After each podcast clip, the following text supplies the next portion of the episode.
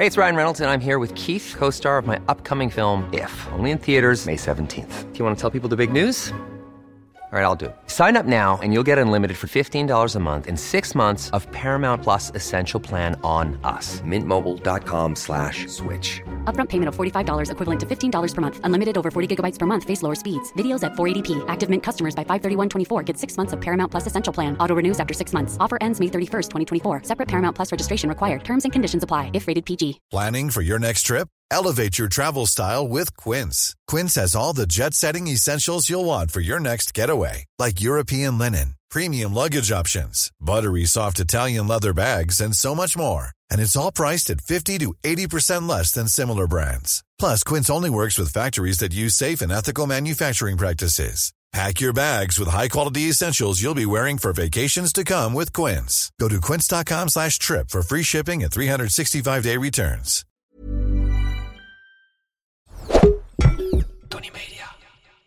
Vandaag in Schotschrift.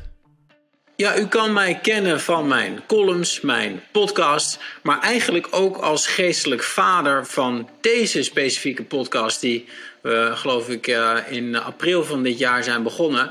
En eh, ehm, ja, ik ben daar natuurlijk altijd heel bescheiden over, maar ja, ik, ik ben het grote, eh, ik ben een grote roerganger achter deze podcast. Ik heb hem verzonnen. Sander Schimmelpenning.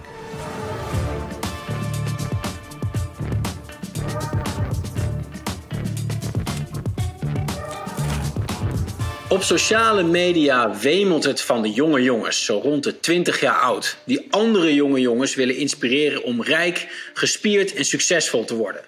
Niet dat ze dat zelf al zijn, nou ja, gespierd hoogstens. Het lijkt er vooral op dat ze andere mensen zoeken die hen zelf rijk, gespierd en succesvol maken, door te luisteren naar hun gebazel over hoe rijk, gespierd en succesvol te worden.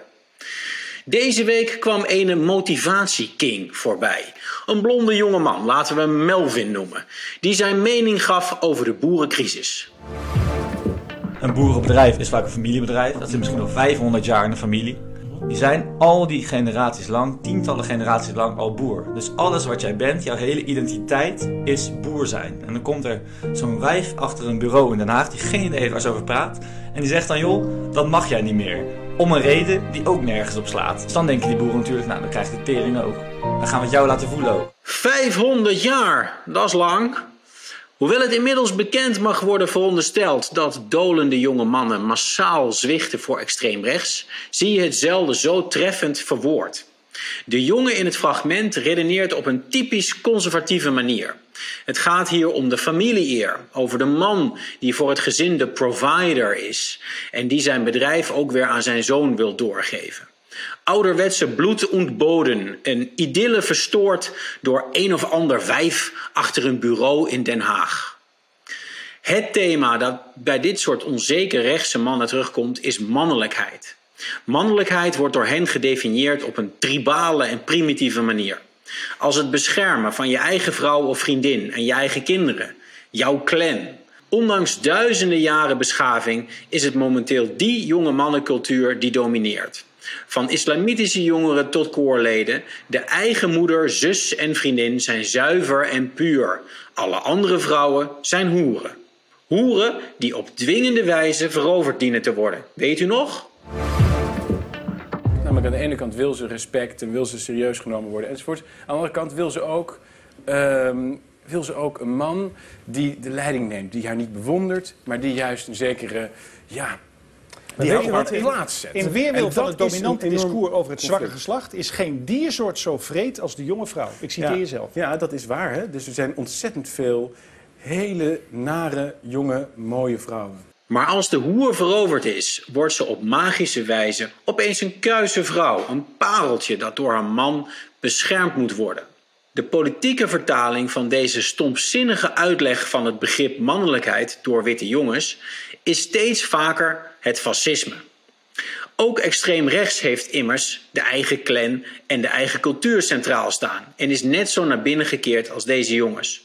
Maar de haat tegen het collectief, de overheid, het algemeen belang, de ander is wat nog het meest verbroedert. Die haat hoeft ook maar heel licht aangewakkerd te worden bij de extreem verwende jongeren. Want wie is er niet een keer teleurgesteld geraakt in het collectief? Coronamaatregelen, de school, politie. Het collectief is ingewikkeld. De eigen clan is veilig. Hoewel er nooit een reden is voor zoveel egoïsme en domheid als geventileerd door de vele finfluencers en nieuwrechtse jongeren, is het duidelijk dat het thema mannelijkheid door andere politieke kleuren is verwaarloosd. De verklaring lijkt mij te liggen in het vallen van de muur en daarmee het einde van de klassieke tegenstelling tussen goed en kwaad, tussen West en Oost en de cultuur van wat ik maar even de transatlantische man noem. Ik snap dat ik die term moet uitleggen. In de periode van de Tweede Wereldoorlog tot de millenniumwisseling werd de westerse mannelijkheid in culturele zin vooral geïnspireerd door rolmodellen die op zoek waren naar rechtvaardigheid.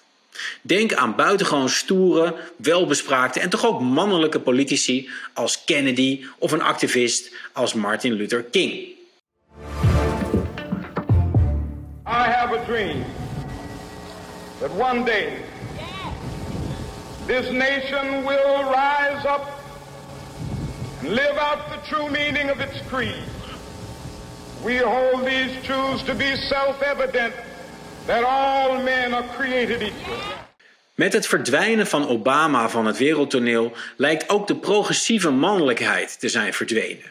De mannelijkheid van een visie, de mannelijkheid van verbindend leiderschap en de mannelijkheid van het collectief, waarin het eervol is om iets voor een ander te doen.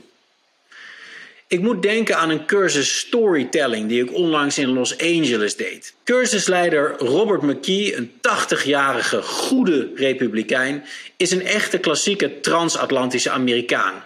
Zo eentje die het als Amerika's natuurlijke of misschien wel goddelijke taak ziet om de wereldpolitie te zijn. Een Amerikaan van wie het niet uitmaakt en ook onzichtbaar is of hij nu democraat of republikein is. Je weet dat hij in de basis voor het goede staat. Zelfs George W. Bush, destijds toch verguisd en voor Europeanen een dombo die zo nodig een oorlog moest voeren in Irak, is onderaan de streep toch gewoon zo'n transatlantische man. De filmwereld speelt een cruciale rol bij dit archetype. Denk aan Rocky, James Bond of ruwe bolsters als Nicolas Cage, die in een neerstortend vliegtuig van Con Air toch ook gewoon een good guy blijkt. In het Hollywood-heldendom van de transatlantische man was veel ruimte voor twijfel en persoonlijke tragiek. Denk aan al die films over de Vietnamoorlog, waarin kritiek op het Amerikaanse beleid centraal stond. Denk ook aan James Bond, die ondanks zijn typisch mannelijke hobby's, auto's, gadgets, vrouwen, toch ook in elke film iets barmhartigs doet. Een hondje redden of zo, terwijl hij de wereld al aan het redden is. Hollywood speelde een belangrijke rol in het creëren van een nieuw soort mannelijk rolmodel. De getroubleerde en zelfkritische held, die humoristisch zijn kwetsbaarheid toont, maar evenwel op het moment dat het erom gaat, er staat. When you get old in life, things get taken from. I mean, that's, that's, that's part of life. But you only learn that when you start losing stuff. You find out life's this game of inches. De mannelijkheid van het collectief, de mannelijkheid van het onmogelijke mogelijk maken. Het lijkt in de nieuwe eeuw volledig uit de mode te zijn geraakt. Jongens van nu raken merkwaardig genoeg vooral geïnspireerd door films die juist bedoeld zijn als een waarschuwing tegen de verkeerde vorm van mannelijkheid. Ik noem een Wall Street, American Psycho en The Wolf of Wall Street. Het extreme egoïsme, de onversneden vrouwen- en minderhedenhaat en de obsessie met rijkdom in dergelijke films zijn bedoeld om de kijker te doen lachen, maar ook vooral om te laten walgen om de moreel verwerpelijke protagonist. Maar die boodschap lijkt aan de gemiddelde Melvin voorbij te gaan. Hij denkt dat greed echt goed is. En wat te denken van de populariteit van een van de grootste criminelen die Nederland ooit gekend heeft, Willem Holleder. Melvins uit het hele land gaan graag met Holleder op de foto, want ja, het is toch wel een stoere vent. U snapt het al, we hebben nieuwe progressieve mannelijke rolmodellen nodig. Want als de keuze voor de onzekere jongeman zo binair blijft dat het of Jesse Klaver in eikeltjes pyjama of Thierry Baudet in zijn knorrige herenkamer is, dan zou ik toch serieus nadenken over immigratie naar Lapland, Patagonië of welke plek ook maar veilig is voor de bruinhemden. Toch is er hoop. Gezien de vatbaarheid voor complottheorieën van Melvins hoeven we voor de oplossing slechts nogmaals de geweldige mannelijke film Independence Day te bekijken. We're going to live on. We're going to survive. Today, we celebrate our Independence Day.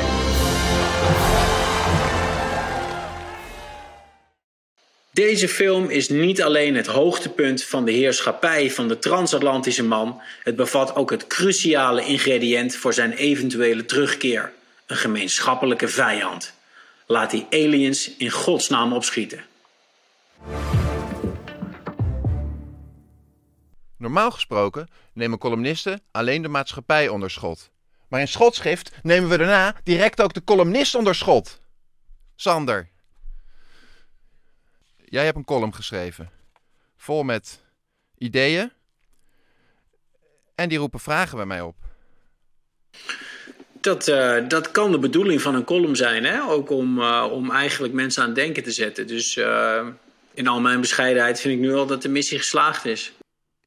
Ja, hartstikke mooi. Zeg, jij zegt op een gegeven moment... de politieke vertaling van deze stomzinnige uitleg... door witte jongens van het begrip mannelijkheid... is steeds vaker het fascisme.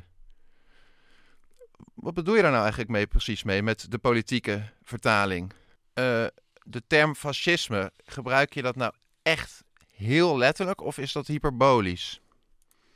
Nou, fas, nee, ik gebruik dat heel echt, omdat er, kijk, het fascisme het fascisme en het nazisme worden nogal door elkaar heen gehaald. Hè? Dus als je een fascisme gebruikt, dan zeggen mensen in Nederland vaak: Oh, wat belachelijk, wat een overdreven term om dat woord te gebruiken. Omdat ze dan meteen aan de Tweede Wereldoorlog denken. Hè? Dan denken ze meteen: Hij noemt mij nazi. Hij vergelijkt me met Hitler, met de Duitsers uh, uit de oorlog. Dat is niet zo. Fascisme is een politieke stroming die al voor de nazi's bestond. Het is een Italiaans woord, komt uit Italië en het gaat, heeft een paar uh, ja, essentiële kenmerken die vooral gaan over um, het omverwerpen van. Het is eigenlijk antidemocratisch. Het gaat over autoritair leiderschap. Het gaat ook heel erg over de man die de baas is, uh, het recht van de sterkste. En het uh, sluit daarbij ook heel erg aan. Um, op dat gevoel van ik, um, ik ben man en ik moet voor mijn eigen clan zorgen en voor de rest moet iedereen het maar lekker voor zichzelf uitzoeken wat je net ook zei, is het klassieke uh, manbeeld had je het over. En daar had ik ook een vraag over. Want aan de ene kant schets je dan eigenlijk een beeld van... Uh, zij willen voldoen aan een klassiek manbeeld. Maar aan de andere kant probeer je ook uit te leggen dat mannen blijkbaar eerst progressiever waren... en dat ze nu een soort aardsconservatief worden. Ja. En om dat dan te duiden, kom je met allemaal aardsconservatieve... hele ouderwetse mannen die jij dan progressief vindt? Nou, ik vind ze niet per se. Nee, nou ja, dus het woord klassiek. Ik weet niet of ik dat gebruikte in de column, maar. Um, nee, nee, je zei dat nu ja, net en daar haakte ik even op ja, aan. Precies. Ja, precies. Nee, ik, ik, ik, ik, wat ik daarmee bedoel is dat zij dat zien als klassiek. Hè? Dus zij denken dat de man, als je kijkt naar de oervorm van de man, hoe je die ooit is uh, verzonnen door onze lieve Heer, dan is dat zo. Hè? Dus iemand die rechtlijnig is, zorgt voor zijn directe omgeving, uh, maar eigenlijk uh, ja, geen boodschap heeft aan het collectief. Geen boodschap heeft aan iets wat groter is dan zijn eigen kleine kringetje. Uh, dat zien zij als het klassieke manbeeld. Nou, ik, wil, ik betoog juist in die column, althans dat is mijn poging, om duidelijk te maken.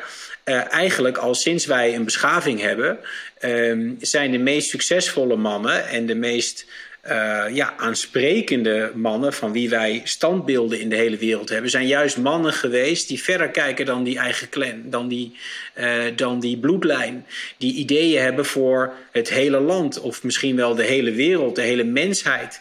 Die uh, grotere ideeën hebben um, dan alleen dat eigen kleine klannetje. Dus ik... Wat heeft dat eigenlijk met conservatisme te maken? Want je hebt het nu over ehm, mannen die eigenlijk een heel beperkt zicht hebben. En uh, wellicht zeer egoïstisch zijn. Ja.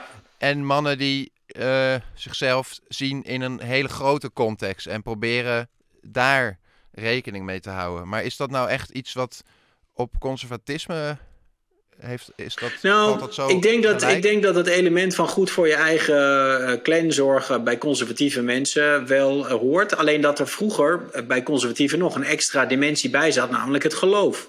Eh, of eh, een, een anderszins eh, levensbeschouwelijk element. Ehm, dat ervoor zorgt dat je die groep, die, die, die kern, die clan eh, wel degelijk als groter ziet. En Nederland was natuurlijk echt een soort, was een verzeild land. Dus een land waar het onderlinge verband eigenlijk helemaal niet zo heel sterk was, maar wel verschillende zuilen waren, waarbinnen dat verband wel heel sterk was. Dus het was een land van hele conservatieve mensen die, ehm, die wel een wat grotere groep tot hun eigen mensen rekenden, omdat die verzuiling zo sterk was. Alleen dat geloof is nu weg, die verzuiling is weg. Dus wat blijft dan nog over voor de conservatieven om zich heel druk over te maken? Dat is eigenlijk het eigen dorp of zelfs het eigen gezin. Groter is het niet.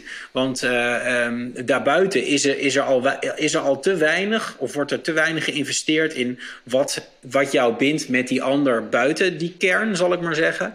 Dat, uh, dat hij dat al niet de moeite waard vindt om te beschermen of voor te vechten.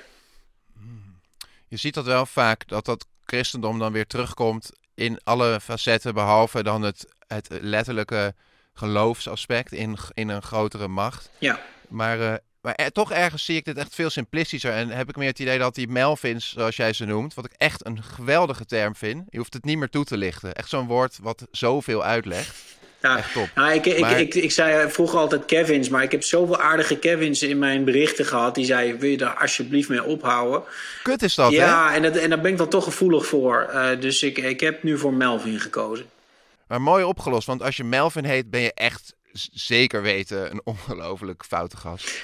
Maar is het toch niet gewoon iets basaler dat gewoon dat een Melvin uh, juist weigert om te emanciperen? Maak je dit niet een heel groot, complex, ingewikkeld uh, denkbeeld? Is het niet zo dat uh, we van, van nature een vrij conservatieve rolverdeling hebben? Mannelijkheid gaat toch over een rolverdeling? Ja. En dat de gemiddelde persoon heel geleidelijk aan, ook de me mens die niet zo bewust is, bezig is met maatschappij, et cetera, gewoon geleidelijk aan emancipeert. En dat het ook wat normaler wordt om als man iets minder helemaal in zo'n standaard rolpatroon te vallen. Is dat niet juist het probleem? Dat zij zich daar weer tegen gaan verzetten. Dus dat zij iets wat gemiddelde mensen als vooruitgang zien, ja. zien als iets wat ondermijnend is. Ja, je ziet het als een soort van, van contrabeweging op, op misschien de emancipatie van generaties voor ons. Maar ik denk dat, uh, kijk, de mens moet je ook niet overschatten. We zijn natuurlijk gewoon, gewoon apen. En de natuurtoestand van de mens is heel ja, uh, primitief en tribaal. Uh, als de pleuris uitbreekt, dan zie je meteen weer hoe, hoe, verschrikkelijk mensen zijn. Want dan kiezen ze alleen maar voor hun eigen gezinnetje en hun eigen kinderen, hun eigen vrouw en de rest kan doodvallen. Dus ik zie beschaving als iets wat constant, waar je constant in moet investeren. Uh, je moet constant blijven werken aan die beschaving, vertellen waarom dat nodig is. Onderwijs uh, bieden, mensen uitleggen waarom alles met elkaar samenhangt. Want anders vervalt de mens weer terug in zijn natuurlijke, primitieve, primitieve oer-apenstand. Um, en ik denk dat dat vooral aan de gang is met Melvins. Dat die zo weinig uh, meekrijgen van uh, hoe een maatschappij functioneert. Uh, wat het collectief is, wat daarvoor nodig is. Um, waarom de beschaving ons al deze luxe en welvaart heeft gebracht. Dat dat dus niet zomaar is gebeurd. Maar dat dat juist is omdat we collectief denken. Omdat we samenwerken. Omdat we verder kijken dan dat ene gezinnetje. En daarom heb je die mobiele telefoon, Melvin. Dat heb je niet omdat we primitief uh, zijn gebleven. Als je, dat, uh, als je dat niet goed uitlegt, ja, dan vervalt, vervalt de mens weer terug in zijn apenstand. En gaat hij weer als een aap uh, zich gedragen. Ik probeer heel geconcentreerd te luisteren, maar het was niet makkelijk, want ik uh, bleef erg hangen bij jouw geweldige driedubbel op opmerking met primitieve oer-apenstand. Ja, dat was, was een behoorlijke witte sneeuw. Ja, dat was een pleo, pleo, pleonasme. Terwijl ja. uh, elk van die drie uh, bijvoeglijke bepalingen zou het heel duidelijk maken. Ja. Maar ik hou hier wel van. Gaan we door naar het volgende thema. Het collectief. Ja. Want daarvan schets jij eigenlijk dat het zo is van... Uh, het collectief is eigenlijk iets waar dan de rechtse mens tegen is. En aangezien jij dan met het fascisme aankomt zetten, ben ik daar even over na denken. En denk ik, ja, maar uh, Sander, luister nou eens even heel goed. Dat is toch net zo collectief? Waarom is dat niet collectief? Dat is juist, uh, kijk eens naar al die Trump-supporters. Dan krijg je één zo'n meute uh, ja, maar jij probeert een, misschien te zeggen van het is een individueel hebben die mensen... Het is een exclusief collectief mm. en niet een inclusief collectief. Misschien had ik dat nog duidelijker moeten verwoorden. Uh, want het is op zich wel een, een begrijpelijk, uh, wel terecht punt wat je maakt. Want de fascistische beweging was natuurlijk een enorm massale beweging. En is dat nu ook helaas weer. Ja, ik zat te denken, zij zien eigenlijk een ander collectief voor zich. En ik begrijp wel het gevoel wat je, bij je oproept. Ja. Dus als je dan denkt aan een collectief waarin het het medemenselijkheid, et cetera, allemaal heel erg op de voorgrond zit. Dat voelt veel warmer. Ja. Maar uiteindelijk is, is het volgens mij juist zo dat ook weer die, die extreme rechtse uitwassen, juist hoe extremer, hoe heftiger, hoe problematischer, ook hoe collectivistischer. Hoe meer het een soort gelederen, gesloten ja, blok maar dat is wel het interessante. bijvoorbeeld het kapitool gaan bestormen dan. Ja, ja. Ja, dat is, dat is wel zo. Um, maar uh, in tegenstelling tot, uh, tot de nazi's, die, die inderdaad best wel collectivistisch waren, is het, is het oerfascisme helemaal niet zo collectivistisch. En vind ik dat fascisme van nu ook niet. Uh, want het gaat vooral om het omverwerpen van het collectief, van de democratie, van, van, van alles. En ze hebben eigenlijk niet. Is dit dan misschien een, eigenlijk paradoxaal? Want als je gewoon letterlijk aan de nazi's denkt, is dat toch ook het meest collectieve ja? ingestoken. Ja uh, samenleving die er maar is. Ja, waarbij natuurlijk juist individuele mensen buiten de boot vallen. Ja, nee, precies. Dus, dus ze hebben heel duidelijk uh, de behoefte om het huidige collectief omver te werpen en daar afstand van te nemen. Hè. De, de overheid is slecht. Alles wat we eigenlijk gemeenschappelijk hebben opgebouwd en ingericht is slecht. Van de rechtsstaat tot de democratie. Maar ze hebben niet zo'n duidelijk alternatief. Uh, dus het alternatief wat ze schetsen is, nou ja, ieder voor zich eigenlijk, als je doorvraagt. Maar, eh, samen voor ons eigen. Samen voor ons eigen, ja. En, maar dat... We hadden beter dat erbij kunnen halen. En dan heeft iedereen het meteen voor ja. zich. Wat, wat zeggen die jongens het toch mooi? En dat in de jaren tachtig al. Nee, dat was 100% voorspellende gaven hadden Coat en de Bie natuurlijk. Uh, uh, als het gaat om Baudet en, en dat soort verschijnselen, ja. Um, ik zie hier ook het woord finfluencers financiële influencers. Kijk, want ik wist dat natuurlijk wel, maar de, de luisteraar, misschien niet. Nee, snap ik. Het is ook heel eervol om af en toe een domme vraag namens de luisteraar te stellen, vind ik. Ja. Op een gegeven moment zeg jij uh, dat het duidelijk is volgens jou dat het thema mannelijkheid door andere politieke kleuren is verwaarloosd. Ja. Ik vroeg me eigenlijk af, welke aandacht zou daar dan naartoe moeten gaan? Nou, kijk, Um, ik ben natuurlijk enorm, uh, uh, ik ben enorm tegen uh, journalisten of opiniemakers die zo'n drama maken van die woke-beweging. en dat veel groter voorstellen dan het is. maar um, het valt ook niet te ontkennen dat wel degelijk die beweging, voor zover een beweging, of in ieder geval de, de extreme op het culturele vlak uh, het beeld toch wel behoorlijk bepalen, zeker bij jonge mannen, als het gaat om wat links is. als je een jonge man uh, in Nederland, of die nou in Amsterdam woont of Albergen, vraagt wat, wat betekent links voor jou? Dan gaat het niet over economie. Dan gaat het niet over um, gelijkwaardigheid, solidariteit, al die traditionele thema's. Dan gaat het over uh, culturele ergernissen. Dan gaat het over woke, dan gaat het over immigratie, dan gaat het over... Ja, niks mag meer, we zijn niks softies. Niks mag meer, softies. En maar als, maar, maar zo, als ik doorheen mag, de vraag die ik stelde is meer omgedraaid. Van wat, welke aandacht moet daar dan naartoe gaan? Dus nou, ik snap dit wel, helemaal. Maar wat moet een partij daar dan ja, mee? Ja, ik zou als, als linkse partij zou ik dus uh, een, een wat mannelijkere toon... Ja, het is natuurlijk heel uh, gecompliceerd om, om, om dat woord te gebruiken. En daar worden mensen misschien boos van en zo. Maar ik denk toch dat het het enige... Ik denk juist dat dit interessant is. Dit, hier gaan mensen nooit eens op in. Ja, nou, ik denk dat dit echt een, een cruciaal onderdeel is... Um, van, het falen van linkse partijen, is dat er dus geen mannelijkheid in zit. Er zit geen krachtige mannelijke boodschap over solidariteit, over rechtvaardigheid in. Die natuurlijk linkse leiders vroeger wel hadden. Als je naar een oude uh, speech van, van Den L kijkt, uh, dat is heel krachtig. En ik zou zeggen, hoewel dat eh, gevoelig ligt, toch ook duidelijk mannelijk. Um, en zelfs Wim Kok in zijn, uh, in zijn vakbondstijd, dat was uh, duidelijk uh, strijdvaardig. Um, en allerlei, allerlei centrale begrippen, met name solidariteit, die veel je nou mannen eigenlijk aanspreekt. een beetje. Ga je niet ergens voorbij aan je doel? Ik begrijp wel echt wat je ermee bedoelt. Ik interpreteer het ook zoals je het bedoelt. Maar als ik me verplaats in hoe een buitenstaander dit zou horen, Ja. zeg je eigenlijk gewoon iets heel seksistisch. En bedoel je dan niet meer iemand die leiderschapskwaliteiten heeft? Want anders zou je zeggen van Angela Merkel of ik weet niet, een vrouw waarvan jij een heel positief beeld hebt in haar Mhm. leidende functies. Straalt zij dan mannelijkheid uit omdat ze zo krachtig is? Ja, Nee, toch? ehm, eh, nee, ik, ik vind ook die termen ingewikkeld, geef ik onmiddellijk toe. Ik, ik, ik constateer wel dat eh, vaak eh, mensen geen enkele moeite hebben om vrouwelijke eigenschappen als positief te ervaren en ook zo te benoemen.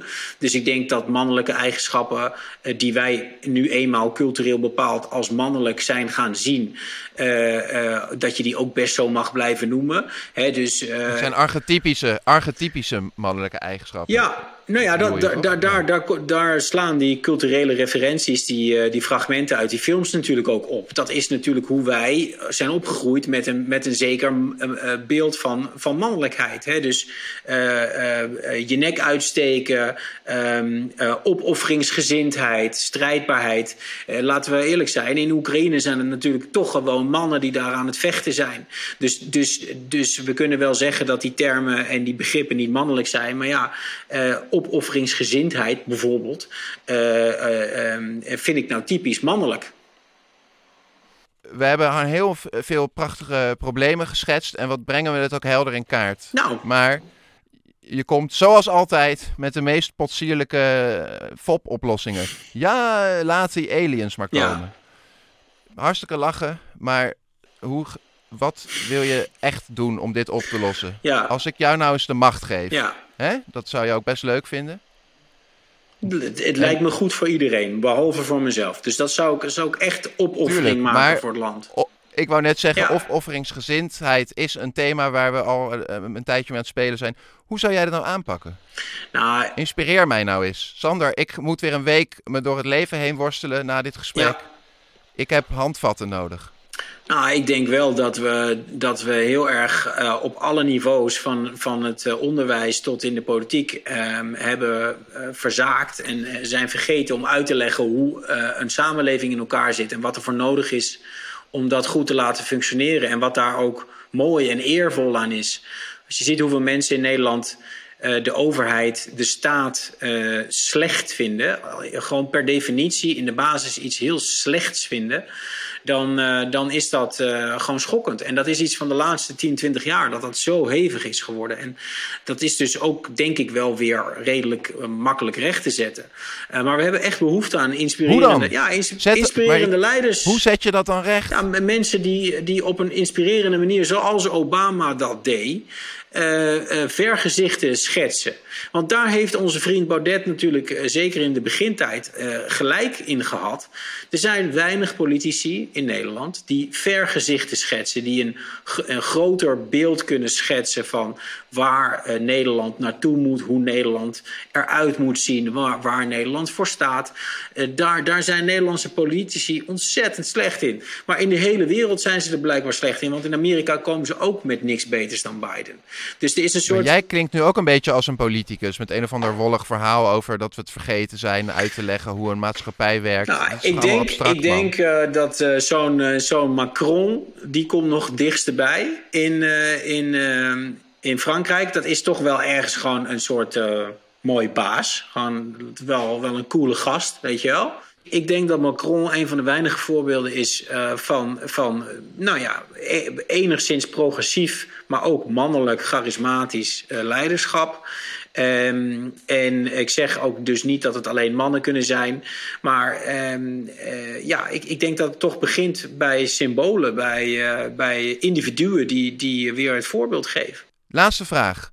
Wie wordt de eerste vrouwelijke premier van Nederland met al haar mannelijke archetypische leiderschapskwaliteiten en opofferingsgezindheid? Bus.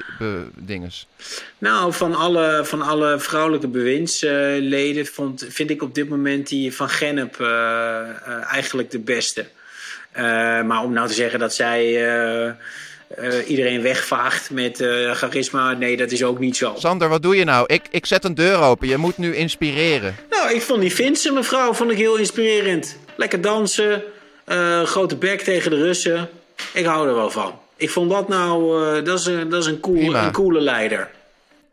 We leren er Nederlands en dan... ja, laten we ja. Sanna Marin importeren en Rutte verkopen aan de, aan, de, aan de Esten of nee, de Finnen. Uh, hartstikke bedankt voor dit verhelderende gesprek. En ik denk ook dat Nederland hier heel veel aan heeft. Nou, uh, dankjewel. Dank voor je luisterende oor en je scherpe vragen, Willem. Nou, dag.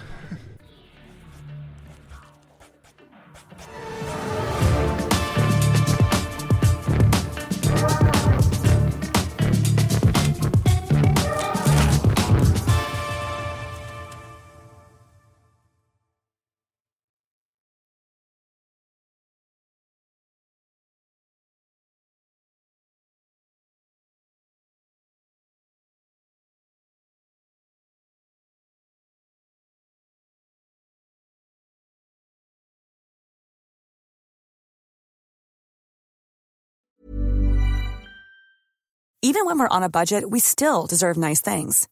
Quince is a place to scoop up stunning high-end goods for 50 to 80% less than similar brands.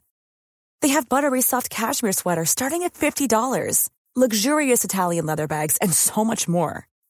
Plus, Quince only works with factories that use safe, ethical, and responsible manufacturing. Get the high-end goods you'll love without the high price tag with Quince. Go to quince.com slash style for free shipping and 365-day returns. Planning for your next trip? Elevate your travel style with Quince. Quince has all the jet-setting essentials you'll want for your next getaway, like European linen, premium luggage options, buttery soft Italian leather bags, and so much more. And is all priced at 50 to 80% less than similar brands. Plus, Quince only works with factories that use safe and ethical manufacturing practices. Pack your bags with high-quality essentials you'll be wearing for vacations to come with Quince. Go to quince.com slash pack for free shipping and 365-day returns.